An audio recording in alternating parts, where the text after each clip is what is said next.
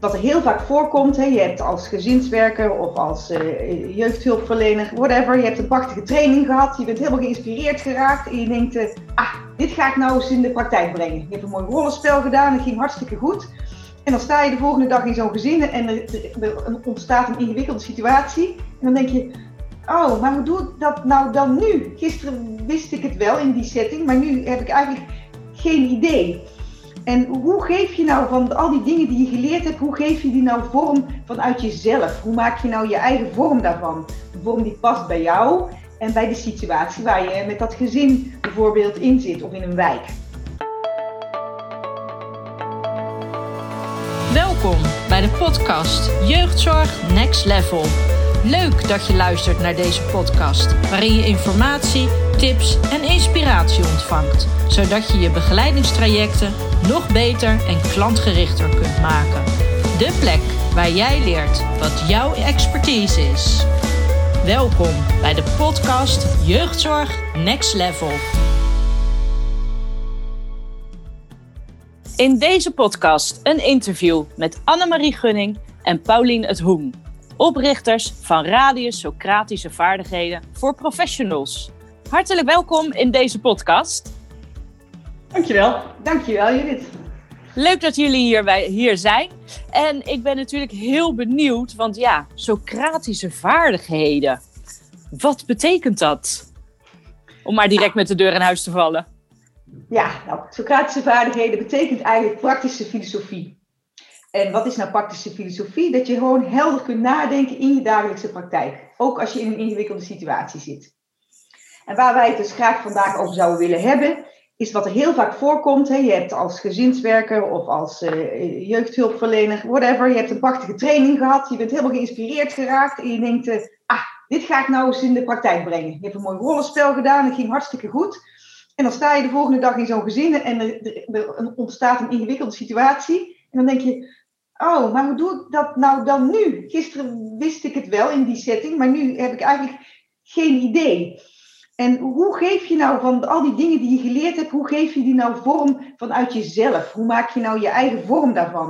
Een vorm die past bij jou en bij de situatie waar je met dat gezin bijvoorbeeld in zit of in een wijk.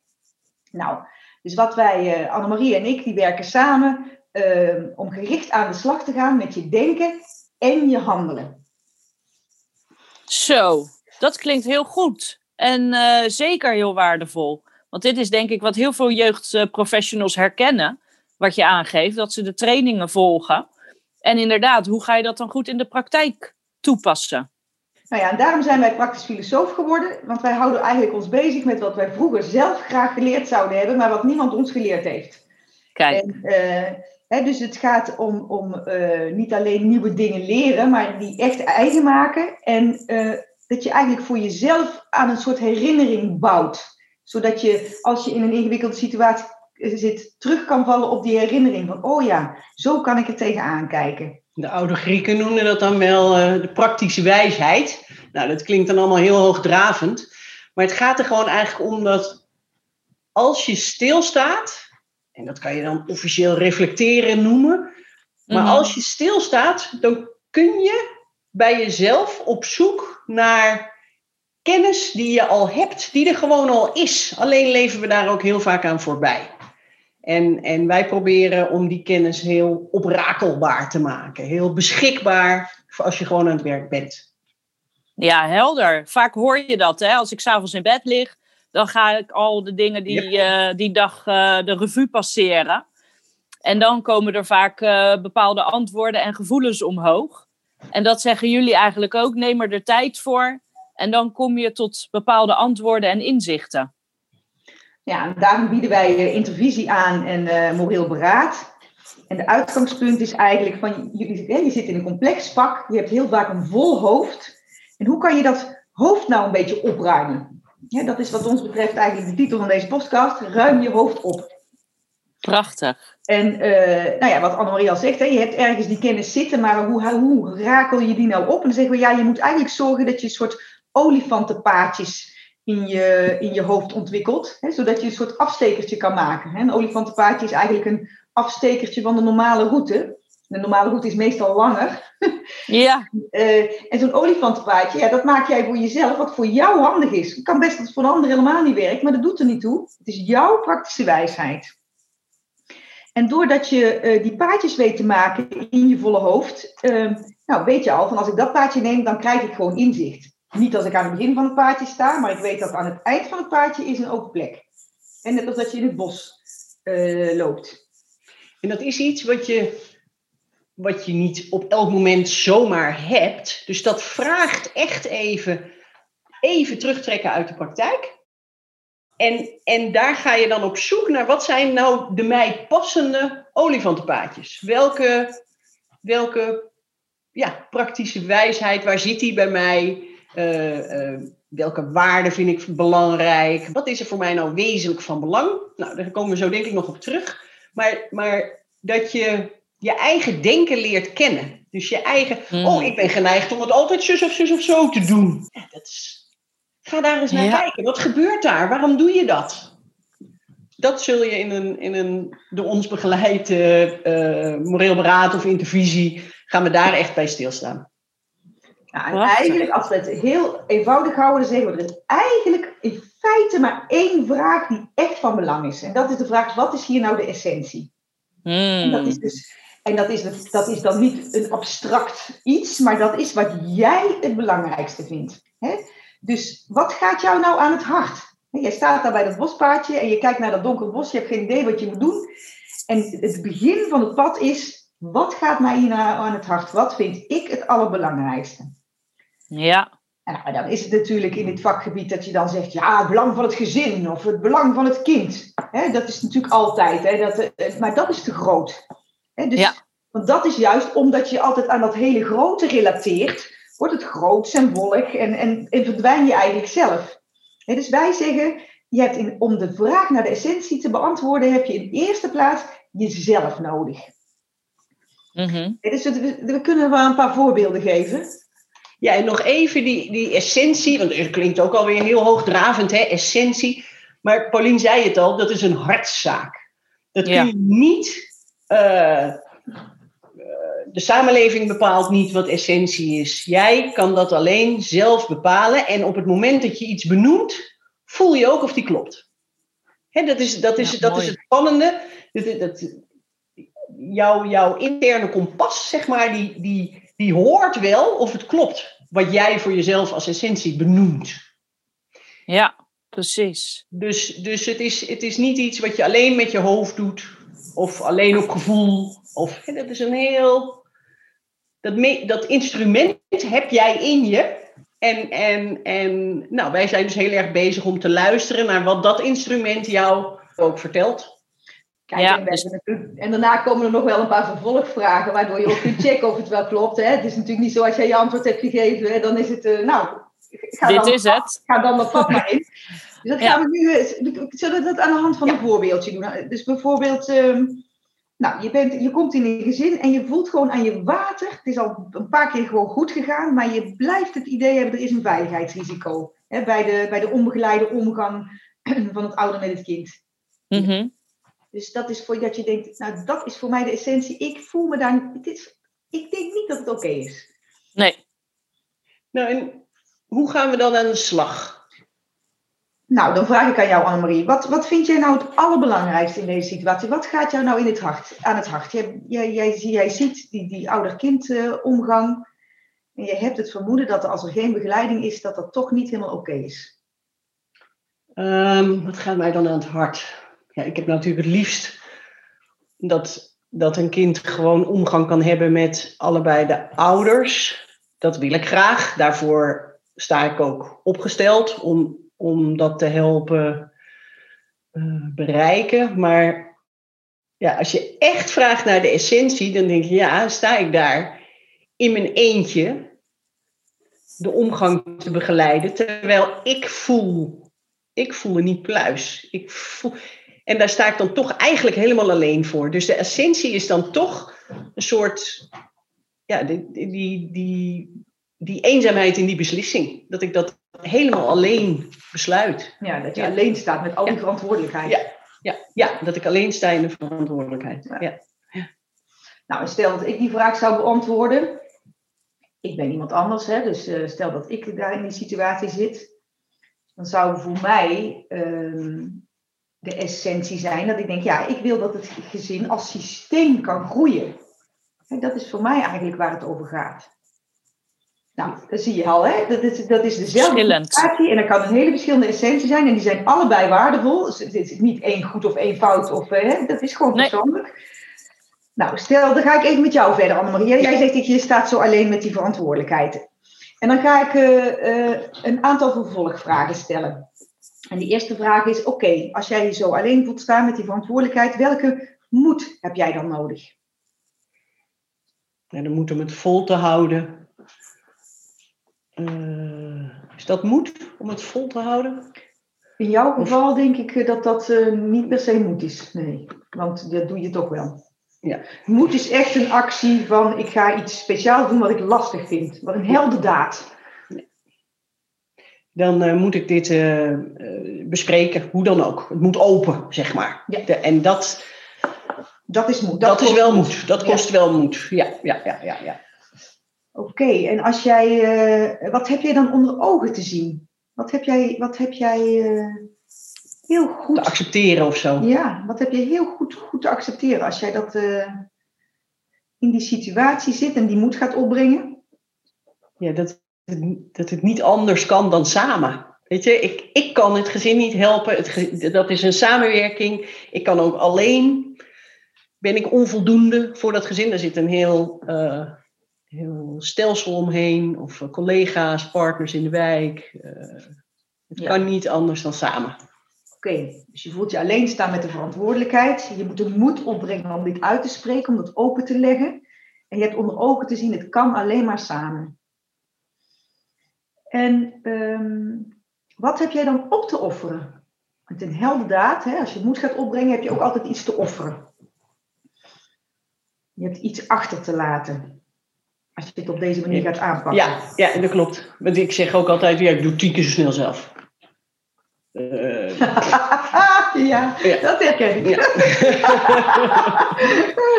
dus ik, ik, eh, ja, dat moet ik offeren. Dus eh, dat ik het wel, eh, en dat ik het wel oplos. Dat je het wel alleen oplost en dan Ja. ook nog sneller ook nog. Ja. En beter zullen we dan misschien niet zeggen, maar Nee, dat is. dus het beeld van ik doe het wel alleen en dan doe ik het lekker snel. Ja. Oké. Nou, dan zijn we dus aan het begin van het bospad begonnen hè, met de essentie. Dan hebben we op het bospad drie vragen gesteld over moed, over wat je onder ogen hebt te zien en wat je hebt te offeren.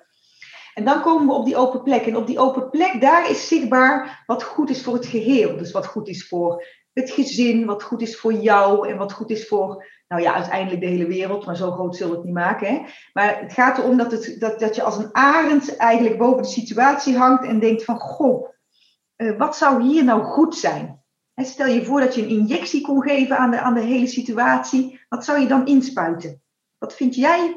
En daar zit je zelf ook in, hè? Ja. Dus het is het geheel, inclusief jezelf, zie je daar. En, en wat dient dat geheel? Wat is goed voor dat geheel? Nou, wat zou jij dan Nee. bijvoorbeeld zeggen? Wat is nou in jouw ogen goed voor het geheel met al die dingen die je net hebt benoemd? Ehm, eh, nabijheid, zou ik zeggen. Dus, dus eh, dat, dat als ik dan in contact wil treden, dat dat niet nog eens een extra hobbel is, maar dat er al een soort nabijheid is, waardoor dat eigenlijk gemakkelijk gemaakt wordt. Dus voor mij eh, goed voor het geheel is ja, nabijheid.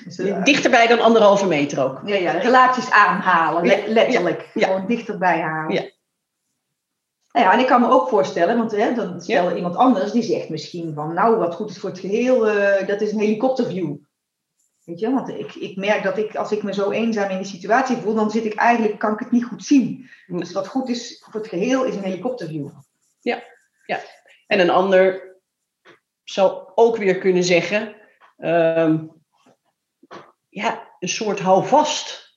Dus eh, iets, van, iets van spelregels. Als we die hebben, dan kun je ook weer door. Of, of nog een ander zegt, nou laten we het gewoon gaan doen. Laten we gewoon in het klein beginnen. Dat is goed voor het geheel. Dus je ziet hè, vanuit, vanuit die essentie, ze, zullen alle, ze kunnen mensen dus allerlei, eh, tot allerlei eh, antwoorden komen op sowieso die tussenvragen en op de vraag naar wat is goed voor het geheel. Nou ja, en dit is wat ons betreft een voorbeeld van hoe je nou je hoofd opruimt. Dus je gaat aan Ja. het begin van dat paardje staan met die ene vraag, wat gaat mij in het, hier aan het hart, wat vind ik hier nou het allerbelangrijkste? En dan ga je eh, die vraag beantwoorden over de moed en onder ogen zien en welk offer heb je. Nou, dat is eigenlijk, de moed is het hart, onder ogen zien is het hoofd en eh, offer is de buik. Dus eigenlijk zeg je, denken gaat over het verbinden van je hoofd, je hart en je buik. En als je dan op die open plek staat, dan overstijg je als het ware die drie. Dan zijn dat hoofd, die hart en die buik zijn in balans. En dan weet je dus wat goed is voor het geheel, voor jou in deze situatie. Hmm. En dat is nou het interessante van die oude Grieken. Kijk, want die oude Grieken die hadden het daar dus over, over het hoofd en het hart en de buik. Maar voor ons is dat allemaal heel psychologisch geladen geworden. Dat was voor Mhm. hun helemaal niet zo. Die Grieken die zeiden gewoon, je hebt drie centra van motivatie in je lichaam. Nou, dat is je hoofd, je hart en je buik. En als je die in balans brengt, dan kun je een rechtvaardige beslissing nemen. Hè? Of een juiste beslissing voor het geheel, voor iedereen. Ja, dus daar zit helemaal geen, eh, geen Freud en geen Jung en geen psychologie bij. Want die waren nog niet geboren eh, tijdens de oude Grieken. Dus het is een hele frisse manier. En daarom zeggen wij ook, ruim je hoofd op. Die oude Grieken, kijk, je leert eigenlijk nieuw denken met oude Grieken. Zo moet je. Ja, Een soort Ja. eh maricondo in je eh, hoofd. in je hoofd. ja, Eh, zo kan. Socrates werken, zeg maar. ja. Goed voorbeeld. Ja, mooi. En wat levert het de mensen op die eh, hier aan deelnemen? Ja, Nou, dat is misschien leuk om. we hebben een paar testimonials verzameld. Die kunnen we misschien voorlezen. Hè, want dan, wat wij Ja. kunnen dat wel zeggen, maar. eh, ehm, hè, wat het dus andere mensen zeggen, dat is interessant. Ja. En dat zijn dus mensen die bij ons eh, moreel beraad gedaan hebben en eh, intervisie. Eén die zegt bijvoorbeeld, ehm, gesloopt door het intensieve denken en voelen, maar vooral enorm opgelucht en kilo's lichter. Ik zou je bijna een ethisch dilemma gunnen, omdat het zo gaaf is om dit te doen en inspirerend. Zo, wauw. Daar waren wij ook erg blij mee, dat snap ik. Ja. Ja. Het kralenspel geeft een andere vorm van verdieping, gestructureerd en vanuit verschillende niveaus, hoofd, hart en buik. Het is fijn, daarna voelt het alsof je een stuur in handen hebt en een richting kunt kiezen. Het is goed dat jullie strak voor zaten, zodat de inhoud goed tot zijn recht kon komen, in alle facetten. Dat was eh, een testimonial van iemand die een moreel beraad had gedaan. En dat doen we vaak met ehm, betrokken collega's. Dus eh, eh, twee collega's die samen verantwoordelijk zijn voor een, voor een gezin bijvoorbeeld. Mhm. Daadwerkelijk in de situatie zitten die ze willen bespreken. En die nodigen dan twee collega's uit die een beetje verder afstaan.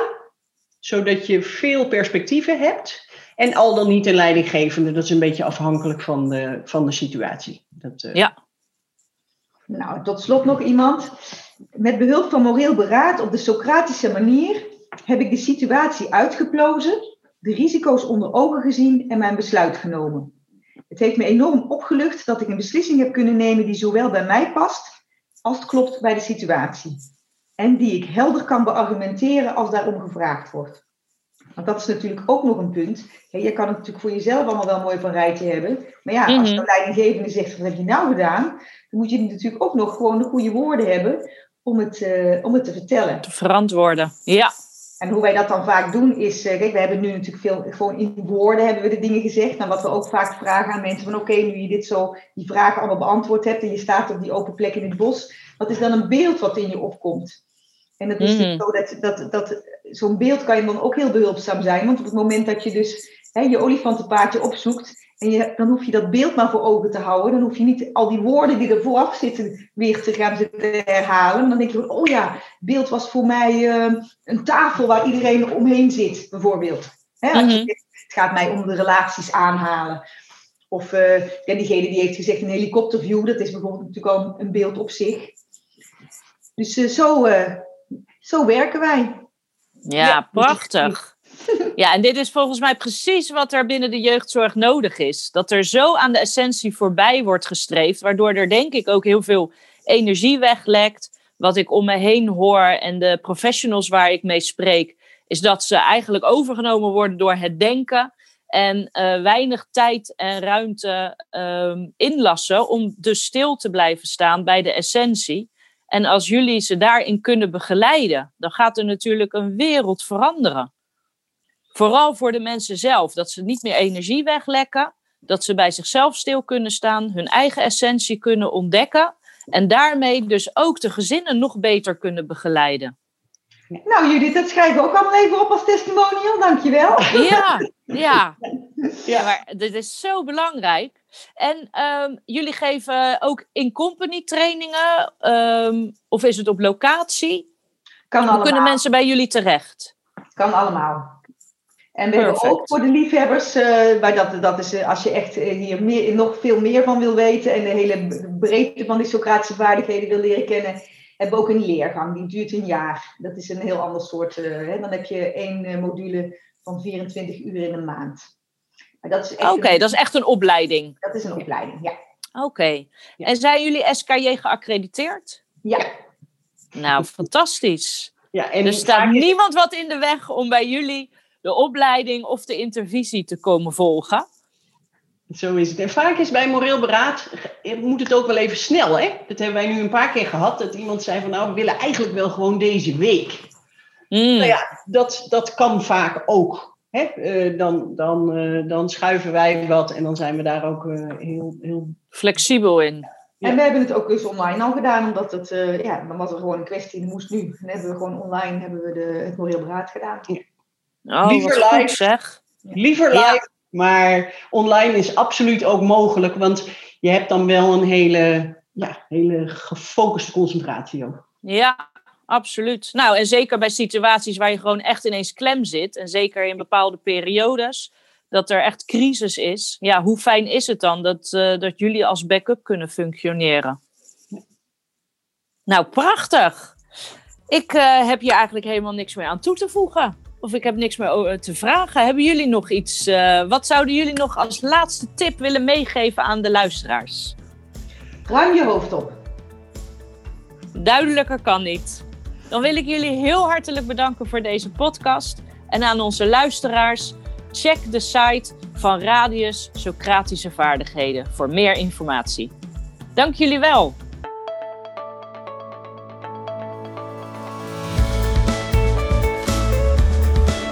Superleuk dat je weer luisterde naar de podcast Jeugdzorg Next Level.